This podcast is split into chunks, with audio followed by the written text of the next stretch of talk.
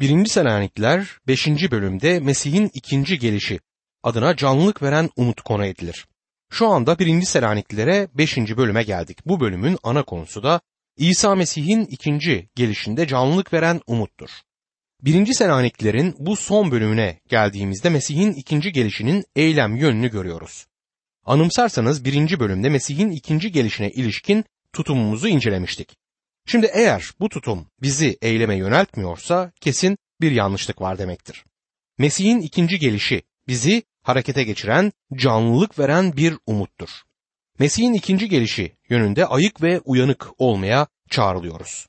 İnanlı Mesih'in ikinci gelişi yönünden ayık, uyanık olmalı ve hazır beklemelidir. Çünkü Rabbin günü diye adlandırılan o geceyle büyük sıkıntı gününe adım atmayacaktır. Rabbin günü gece başlayacak çünkü bu Tanrı'nın zamana işaret koyduğu yoldur. Yaratılışta okuduğumuz gibi akşam oldu ve sabah oldu. Bir gün. Tanrı gece başlar ama ışığa doğru yönelir. Ve doğruluk güneşi kanatlarında şifa ile yükseldiğinde büyük sıkıntı dönemini Mesih'in bin yıllık egemenlik dönemine çevirecektir. Rabbin günü eyleme dökmemiz gereken bir açıklamadır. 1. Selanikler 5. bölüm 1. ayette Kardeşler bu olayların zamanı ve tarihi konusunda size yazmaya gerek yoktur der. Vakit ve dönemler kilisenin malı değildir. Onlar bu dünyaya ve dünyasal insanlara aittir.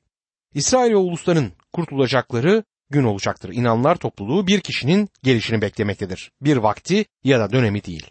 Vakit sözü Grekçe'de kranos sözcüğüdür. Türkçe'ye de girmiş olan kronoloji sözü buradan gelir. Vakit ve dönemler veya kronoloji inanlar topluluğu için değildir. 1. Selanikler 5. bölüm 2. ayette. Çünkü siz de çok iyi bilirsiniz ki Rabbin günü gece hırsız nasıl gelirse öyle gelecektir der. Rab İsa inanlar topluluğuna hırsızın gece gelmesi gibi gelmeyecektir. İnanlar topluluğu Rabbin gelişini gözler ve bekler. Bir hırsızı beklemezsiniz ve evden ayrılırken hırsız için arka kapıya bir not atıp da bu notta da arka kapıyı senin için açık bıraktım. Hırsız bey. Değerli eşyalarım ve takılarım hepsi yatak odasındaki çeyiz sandığındadır yazmazsınız değil mi? Böyle bir notu kapıya astığınızı sanmıyorum. Aklı başında olan hiç kimse bunu yapmaz. Kapıları, pencereleri iyice kapatıp kapatmadığınızı iyice kontrol edip evden çıkarsınız. Biz izne ya da herhangi bir yere birkaç günlüğüne gittiğimiz zaman evi, pencereleri, kapıları birkaç kez kontrol ediyoruz. Açık bir yeri bırakmak istemeyiz. Herkes gibi biz de kesinlikle hırsızdan hoşlanmıyoruz. Rab İsa bir hırsız gibi gelmeyecektir. Ama inanlar topluluğu alınıp bulutlarda götürüldüğünde Rab İsa dünyaya o zaman bir hırsız gibi gelecektir dediğim gibi. Rabbin günü dünyaya çok ani bir şekilde gelecek ve geceyle birlikte büyük sıkıntı günleri de başlayacaktır ve sonunda Mesih İsa dünyaya kişisel olarak da gelecektir. Rabbin günü aniden gelecek değerli dostum. Sen bugüne amin ya Rab gel diyebilir misin? Eğer geleceğe dair umudun yoksa diyemeyeceksin. Ama bir Mesih inanlısı bunu söyleyebilir. Çünkü inandığı Rabbi ona bu güveni, güvenceyi vermiştir. Rab sana da bu güvenceyi vermek ister.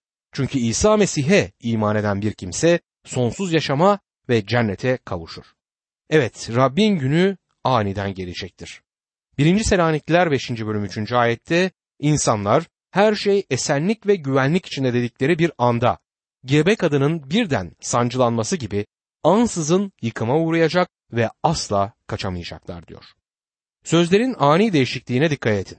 İlk iki ayette elçi Paulus inanlara seslenir. Kardeşler ve onlara vakit ve dönemlere ilişkin yazma gereği duymadığını belirtmektedir. Çünkü inanlar o zaman bulutlara, Mesih'in yanına alınmış olacaklar. Ama üçüncü ayete gelince onlar sözü ortaya çıkar. Tekrarlamama izin verin. Rabbin günü büyük sıkıntı dönemiyle başlayacak ve dünya üzerinde Mesih'in bin yıllık egemenliğine götürecek bir zaman olacaktır. Kutsal kitapta bu konuya ilişkin pek çok ayet bulabiliyoruz. Örneğin Yeşaya 12 ve 13. bölümlerde bu nokta konu edilir. Bu bölümleri okuduğumuzda Rabbin nasıl yargı için uluslara, yönetimlere, ordulara, dinlere ve daha pek çok şeye geldiğini görüyoruz. Yeşaya 13. bölüm 9. ayetten ve 10. ayetten bir örnek vereyim. İşte Rabbin acımasız günü geliyor. Ülkeyi viraneye çevirip içindeki günahkarları ortadan kaldıracağı, gazap ve kızgın öfke dolu gün geliyor diyor. Kızgın öfke günüyle başlayacaktır o gün. Ve 10. ayette yaşayan 13. bölümdeki 10. ayette gökteki yıldızlarla takım yıldızlar ışımayacak. Doğan güneş kararacak, ay ışığını vermez olacak diye devam eder. Yoel peygamber şu sözlerle peygamberlik eder. Yoel 1. bölüm 15. ayet. Eyvahlar olsun çünkü Rabbin günü yakındır. Her şeye gücü yetenin göndereceği yıkım gibi geliyor o gün der. Yoel 2. bölümde o günü karartı ve karanlık günü, bulut ve koyu karanlık günü olarak Yoel 2. bölüm 2. ayette tanımlar. Eski antlaşmanın bize verdiği resim budur. Rabbin günü büyük sıkıntının başladığı ve bin yıllık egemenlik dönemine götüren zaman olacaktır. Bu eski antlaşmadaki temel konulardan birisidir. Şimdi dördüncü bölümde yazılan konu Mesih'in gelerek inanlılar topluluğunu alması konusu eski antlaşmada belirtilmez.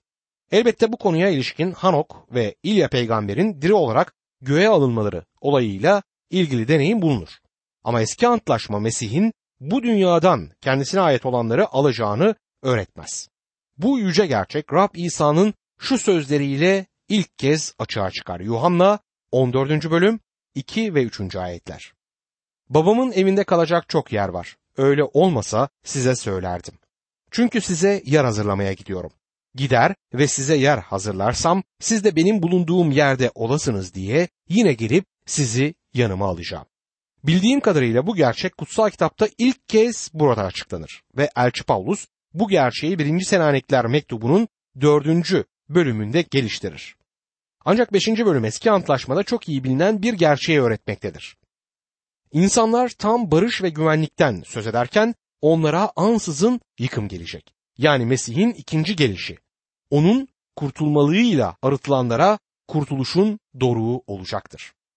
İbraniler 9. bölüm 28. ayette ikinci kez günah yüklenmek için değil, kurtuluş getirmek için kendisini bekleyenlere görünecektir der. Ve aynı şekilde Markos 13. bölüm 26 ve 27. ayetlerde o zaman insanoğlunun bulutlar içinde büyük güç ve görkemle geldiğini görecekler. İnsanoğlu o zaman meleklerini gönderecek. Seçtiklerini yeryüzünün bir ucundan göğün öbür ucuna dek dünyanın dört bucağından toplayacak diyor.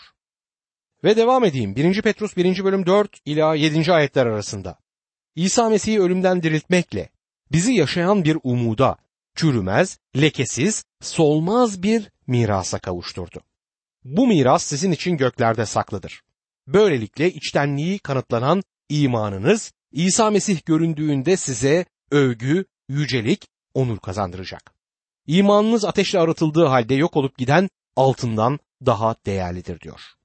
2. Timoteus 4. bölüm 8. ayet. Bundan böyle doğruluk tacı benim için hazır duruyor. Adil yargıç olan Rab o gün bu tacı bana, yalnız bana değil, onun gelişini özlemle beklemiş olanların hepsine verecektir der. Öte yandan Mesih'in ikinci gelişi çeşitli nedenlerle onun kurtarışına sırt çevirenlere tanrısal yargının da gelişi olacaktır. Matta 7. bölüm 23. ayette o zaman ben de onlara açıkça sizi hiç tanımadım. Uzak durun benden ey kötülük yapanlar diyeceğim der. Matta 13. bölüm 24 ila 31. ayetlerde ise bu gerçek şöyle açıklanır. İsa onlara başka bir benzetme anlattı. Göklerin egemenliği tarlasına iyi tohum eken adama benzer dedi. Herkes uyurken adamın düşmanı geldi. Buğdayın arasına delice ekip gitti. Ekin gelişip başak salınca delicelerde göründü. Mal sahibinin köleleri gelip ona şöyle dediler. Efendimiz sen tarlana iyi tohum ekmedin mi? Bu deliceler nereden çıktı? Mal sahibi bunu bir düşman yapmıştır dedi. Gidip delicileri toplamamızı ister misin diye sordu köleler. Hayır dedi adam. Delicileri toplarken belki buğdayı da sökersiniz. Bırakın biçim vaktine dek birlikte büyüsünler. Biçim vakti orakçılara önce delicileri toplayın diyeceğim. Yakmak için demet yapın. Buğdayı ise toplayıp ambarıma koyun. İsa onlara bir benzetme daha anlattı. Göklerin egemenliği bir adamın tarlasına ektiği hardal tanesine benzer dedi. Yuhanna 15. bölüm 6. ayette ise bir kimse bende kalmazsa çubuk gibi dışarı atılır ve kurur. Böylelerini toplar, ateşe atıp yakarlar der. Daniel 12. bölüm 2. ayette ise yeryüzü toprağında uyuyanların birçoğu uyanacak. Kimisi sonsuz yaşama, kimisi utanca ve sonsuz iğrençliğe gönderilecekler. Demek ki kurtarıcının yeniden gelişi bir kesim için sonsuzluğun açıklanması, kurtuluş ve sonsuz yaşam, diğer insanlar içinse yargının gelmesi ve sonun hazırlanmasıdır. Mesih'in tekrar gelişinde dünyaya çok büyük bir sürpriz olacak. Bunu beklemiyorlar çünkü. İkinci Selanikliler'de de göreceğimiz gibi barış ve güvenlik vaatlerinin büyük yalan olduğuna inanıyorum. Rab de bu konuda uyarmaktadır. Dikkat edin. Hiç kimse sizi kandırmasın. Dünya büyük barış çağına girmeyi bekliyor ama kendilerini büyük sıkıntı dönemi içerisinde bulacaklar. Dünyanın yaşamadığı büyüklükteki bir savaşın, bir sıkıntının içerisinde olacaklar. Bu başlarına hırsızın gece aniden gelivermesi gibi gelecek. 1. Selanikliler 5. bölüm 4 ve 5. ayetlerde ise ama kardeşler siz karanlıkta değilsiniz ki o gün sizi hırsız gibi yakalasın. Hepiniz ışık çocukları, gündüz çocuklarısınız. Geceye ya da karanlığa ait değilizler. İnanlar topluluğunun alınmasıyla ilgili iki şey gerçekleşecektir. Birincisi, şimdi içinde yaşadığımız lütuf çağı sona erecektir. Oğullarını ve kızlarını evine götürmek üzere Tanrı kendi adına çağrı yapacaktır. Tanrı bugünlerde bunu yapar. İnanlar topluluğunun alınması bunun sonu olacaktır. Ve ikinci olarak Rabbin günü başlayacak. İnanlar topluluğu dünyayı terk ettiğinde büyük sıkıntı her yanı kaplayacak. İnanlar topluluğunun alınmasıyla lütuf çağı sona erecek ve Rabbin günü başlayacaktır. Bir gün kapanır, bir diğeri ise bu zamanda açılır. Ama siz kardeşlerim karanlıkta değilsiniz ki o gün sizi hırsız gibi yakalasın. Niye yakalayamayacaktır? Çünkü burada olmayacağız da ondan. Dördüncü bölümde Rabbin kendisinin gökten boruyla seslendiğini okuduk ve inanlarını bu dünyadan alacaktır. Hepiniz ışık çocuklarısınız. Bir başka deyişle gelecek olan karanlığa ait olmayacaksınız der. Sizler şu anda yaşadığınız lütfa aitsiniz. Arkadaş, kutsal kitabın yaptığı bu ayrımı kavrayamıyorsanız umutsuzlukta şaşırırsınız. Birçok tanrı bilinci bugün derin umutsuzluk ve şaşkınlıktadır. Onlarla konuşuyorum zaman zaman. Biri bana peygamberlikleri çalışmayı bir yana bıraktığını, onların işine yaramadığını söyledi. Niçin? Çünkü oturup Tanrı sözünü derinlemesine araştırmaya tembeldi de ondan. Rabbin günü geldiğinde Rab'le birlikte olacağız. Karanlıkta kalmayacağız. O gün bizi hırsız gibi yakalamayacak. Rab kendine ait olanlara bir hırsız gibi gelmeyecektir. İnanlar topluluğu bu kutlu umudu ve kurtarıcımız Tanrı'nın yücelerde belirmesini özlemektedir. Şimdi Elçi Pavlus inanlara bazı öğütler verecek. 1. Selanikliler 5. bölüm 6. ayet. Öyleyse başkaları gibi uyumayalım, ayık ve uyanık olalım. Görüyorsunuz, inanlar topluluğunun alınışı harika, sevindirici bir umudu taşır. Çünkü her an gerçekleşebilir. Eğer durum buysa uyuyan inanlar olmamalıyız. Bugün kiliselerde ayağa kalkmak modadır. Mesih'in ikinci gelişine ilişkin ilahiler söylenir. Gel ya Rabbi İsa. Kendileri ayaktalar ama yürekleri, akılları oturmaktadır. Birçoğu uyuyan direklerden farklı değil. Elçi Paulus Mesih'in gelişiyle ve inanlarını göklere almasıyla başlayacak olan korkunç büyük sıkıntı dönemini açıklarken öbürleri gibi uykuya dalmayalım. Uyanık ve ayık duralım der. Ayık sözü birçok anlama gelebilir. Alkolün verdiği sarhoşluktan ayık duralım anlamına gelebilir ama ortalıkta başka pek çok tür sarhoşluk var. Alkol ve uyuşturucuyu kenarda tutarsak birçok kişi güç sahibi olmakla sarhoştur. Para kazanma hırsıyla ya da dünyanın zevklerini yaşamakta sarhoşturlar. Tanrı çocuğu ayık ve uyanık durur. Niçin? Çünkü saydığımız o büyük olaylar gelecekte gerçekleşecektir. Romalılar 13. bölüm 11. ayette bunu yaşadığınız zamanın bilincinde olarak yapın. Artık sizin için uykudan uyanma saati gelmiştir. Çünkü şu anda kurtuluşumuz ilk iman ettiğimiz zamankinden daha yakındır der. 1. Selanikliler 5. bölüm 7 ve 8. ayetlerde. Çünkü uyuyanlar gece uyur. Sarhoş olanlar da gece sarhoş olurlar. Gündüze ait olan bizlerse iman ve sevgi zırhını kuşanıp başımıza miğfer olarak kurtuluş umudunu giyerek ayık duralım der. Burada yine ayık durmak sözü kullanılır. Üzerimize düşen ödev nedir bunu iyi anlamalıyız. İmanın, sevginin savaş giysisini kuşanalım. Kurtuluş umudunun demir başlığını takalım. Bunlar askerin görevleri ve bu türden ödevleridir. İmanın ve sevginin savaş giysisi bedenin en önemli parçası olan yüreği korumaktadır. Başlık kurtuluş umududur. Bu demir başlık kadın ve erkek için pek güzellik getiren şapkalar gibi değildir. Bu nedenle birçok kişi başı açık dolaşır bugünlerde ama her Mesih inanlısı başını bu kurtuluşun umudunu taşıyan başlıkla süslemelidir. İman, sevgi ve umut. Bu mektupta şimdiye dek ortaya dördüncü kez çıkan kilit sözcükler bunlardır. İmanın çalışması, sevginin emeği, umuttan doğan katlanış. İman kurtarır ve kurtaran iman ortaya işler çıkartır. Kalbin yalnız iman kurtarır ama kurtaran iman yalnız değildir der. İman Mesih'i kabul ettiğimiz geçmiştedir. Sevgi ise şimdi inanlının çevresiyle olan ilişkileridir. Kurtuluş umudu geleceğin kutlu umududur. Bizler büyük sıkıntı dönemini gözleyemiyoruz. Bunda bir sevinç göremiyorum. İmanımızın bütünlenişi olan kutlu umudumuzu beklemeliyiz. Yuhanna şöyle yazar. 1. Yuhanna 3. bölüm 2. ayet. Sevgili kardeşlerim daha şimdiden Tanrı'nın çocuklarıyız. Ama ne olacağımız henüz bize gösterilmedi.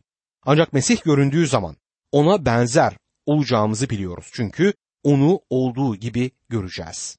Şu anda Tanrı'nın çocuklarıyız. Yarın değil, şu anda. Şimdiden Tanrı'nın çocuklarıyız. Bu gerçekten harika. Dünya bizi anlamayabilir. Bu kesindir. Çünkü onu da anlamadı. Bu ruhsal bir olaydır ve de onun bize verdiği ruh sayesinde olabilir. Bunu Tanrı'nın ruhu bize açıklayabilir ve yalnızca da o yapabilir. O bunu size yüreğinizde kesin olarak hissettirene kadar belki de kuşku içinde olabilirsiniz. Kurtulup kurtulmadığımı bilmiyorum diyebilirsiniz. Ancak gerçekten Mesih İsa'ya iman ettiyseniz Tanrı'nın ruhu şimdiden onun çocuğu olduğunuzun bilincini yüreğinize koyacaktır. Hem de Tanrı'nın sözünde okuduğumuz gibi. Kesin bir şekilde şimdiden. Şu anda Tanrı'nın çocuğuyuz diyerek kesinliği vurgular. Yuhanna daha şimdiden Tanrı'nın çocuklarıyız der ancak biri size şöyle diyebilir. Sen beni düş kırıklığına uğratıyorsun. Çocukça hareketlerden sıyrılıp daha ileride olmanı beklerim. Belki siz de böyle düşünüyorsunuz. Kendi iman yaşamınız konusunda belki siz de Tanrı sözünü iyi öğrenmiş biri olmayı istiyorsunuz. Daha ileride olmayı arzulayabilirsiniz. Ancak birbirimizi düş kırıklığına da uğratmayalım.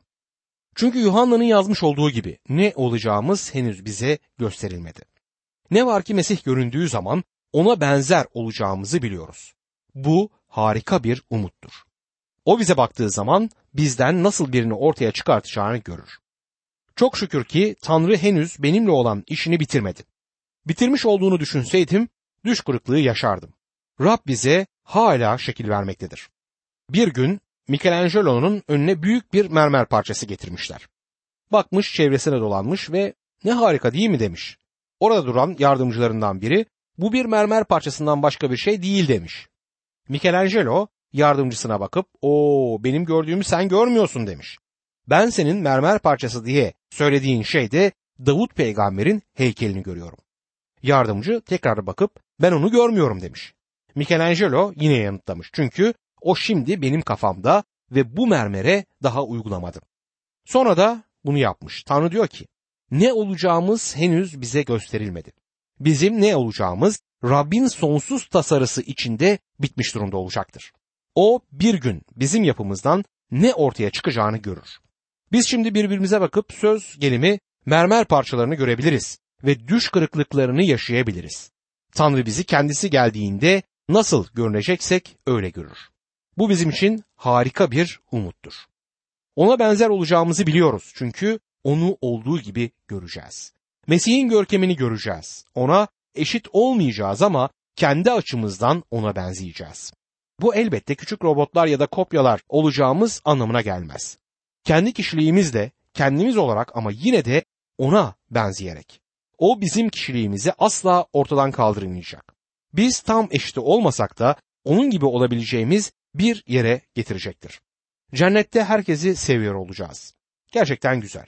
Harika olanı da orada herkesin beni sevecek olması. Bu büyük değişimi dört gözle inanlı beklemelidir. Evet, her gün zafer dolu bir yaşamı sürdürmesek bile buna doğru yürüyoruz. Zaferle dolu bir imanlı yaşamı olağanüstü imanlara özgü değildir. Tüm Mesih imanları için Mesih'in isteğidir. Elçi Paulus Korint'teki Mesih imanlarına yazarken onların ne kadar büyük sorunlar içerisinde savaş verdiğini bildiği halde 2. Korintliler 2. bölüm 14. ayette bizi her zaman Mesih'in zafer alayında yürüten, onu tanımanın güzel kokusunu aracılığımızla her yerde yayan Tanrı'ya şükürler olsun diye onları teşvik edebildi. Evet kardeşim, zafer bizim gücümüze dayanmıyor. Tanrı'nın gücüne dayanıyor. Efesliler 4. bölüm 13. ayette sonunda hepimiz imanda ve Tanrı oğlunu tanımada birliğe, yetkinliğe, Mesih doluluğundaki olgunluk düzeyine erişeceğiz der. Göksel Baba bizi bu noktaya getirmek için çalışır. 1. Yuhanna 3. bölüm 2. ayette Sevgili kardeşlerim daha şimdiden Tanrı'nın çocuklarıyız. Ama ne olacağımız henüz bize gösterilmedi. Ancak Mesih göründüğü zaman ona benzer olacağımızı biliyoruz. Çünkü onu olduğu gibi göreceğiz der. Bu Mesih'teki yaşamın diğer bir teşvik edici yönüdür. Buna benzer başka bir şeyin olduğunu da sanmıyorum. Rab bizde başlamış olduğu işi sonucuna vardıramayacak olsaydı hiçbir umudumuz kalmazdı. Oysa Yuhanna diyor ki biz Rabbin çocuklarıyız ve bizi tam istediği şekle sokmak için gereken her şeyi yapacaktır. Bu bizim için en değerli umut kaynağıdır. Evet Tanrı'nın benimle işi henüz tamamlanmadı. Bu nedenle bana karşı sabrın taşmasın kardeşim. Bir bayan Mesih'e ilişkin tanıklığını verirken şunları söyledi. İnanlar sırtlarına şöyle yazmalılar. Tanrı lütfunun yapabileceği en iyi şey bu değil. Bunu ben de yazdırmalıydım sırtıma. Benimle olan işi Tanrı'nın henüz bitmedi. O yüzden bana sabır gösterin. Aklıma gelmişken söylemek isterim. Ben de sana karşı sabrı sürdürüyorum. Çünkü biliyorum ki Tanrı'nın seninle de işi henüz bitmedi. Şimdi kurtuluş umudumuz var. Onun bizde başladığını tamamlayacak olan O'dur. Filipeliler 1. bölüm 6. ayette. Sizde iyi bir işe başlamış olan Tanrı'nın bunu Mesih İsa'nın gününe dek bitireceğine güvenim var der. 1. Selanikler 5. bölüm 9. ayette ise çünkü Tanrı bizi gazaba uğrayalım diye değil, Rabbimiz İsa Mesih aracılığıyla kurtuluşa kavuşalım diye belirledi der. Tanrı bizleri öfkeyle yargılamak için seçmedi. Bu herkese kesin bir bilgi olmalıdır ama kimileri bazı noktaları atlar. Tanrı bizi yargı günü için seçmedi. Büyük sıkıntı dönemi için bizleri belirlemiştir. Bu yargı zamanı ve kilise buna katılmayacak. Çünkü Mesih yargımızı üstlendi. Belki şöyle düşünüyorsun kardeşim sen çok iyisin ve inanlar topluluğuyla birlikte sen de alınanlar arasında olacaksın. Hayır, kurtarılacak kadar iyi biri değilim ama Tanrı beni lütfuyla kurtardı ve o inanları bu dünyadan alacak ve ben de en iyi inanlarla birlikte alınacağım. İşte Tanrı'nın lütfu budur. Rabbimiz İsa Mesih aracılığıyla kurtuluşa erişmek için Tanrı bizi yargıya atamadı. Büyük sıkıntı dönemine ama Rabbimiz İsa Mesih aracılığıyla kurtuluşa atadı. 1. Selanikler 5. bölüm 10. ayette. Mesih bizler için öldü. Öyle ki ister uyanık ister uykuda olalım onunla birlikte yaşayalım. O gelmeden önce ölsek de o gelene dek yaşasak da onunla birlikte olacağız. Kilisenin büyük bölümü ölüm kapısının öte yakasına geçmiş bulunmaktadır. O gün geldiğinde ilk iman şehidi Stefanos'la elçilerle diğer iman şehitleriyle asırlar arasında Mesih'te tüm uyuyanlarla ve onun ikinci gelişine dek yaşamda kalmış olanlarla eğer sen ve ben hala yaşıyorsak ürünü yukarıya götüreceğiz. Tanrı'ya hamdlar olsun. Onun lütfuyla orada olacağız. Şimdi bu harika gerçekler sana ne yapmanı öğütlüyor. Sonraki ayet bize bu nedenle birbirinizi avutun sözleriyle başlar. Bu biz inanların tümüne büyük bir teselli kaynağı olmaktadır.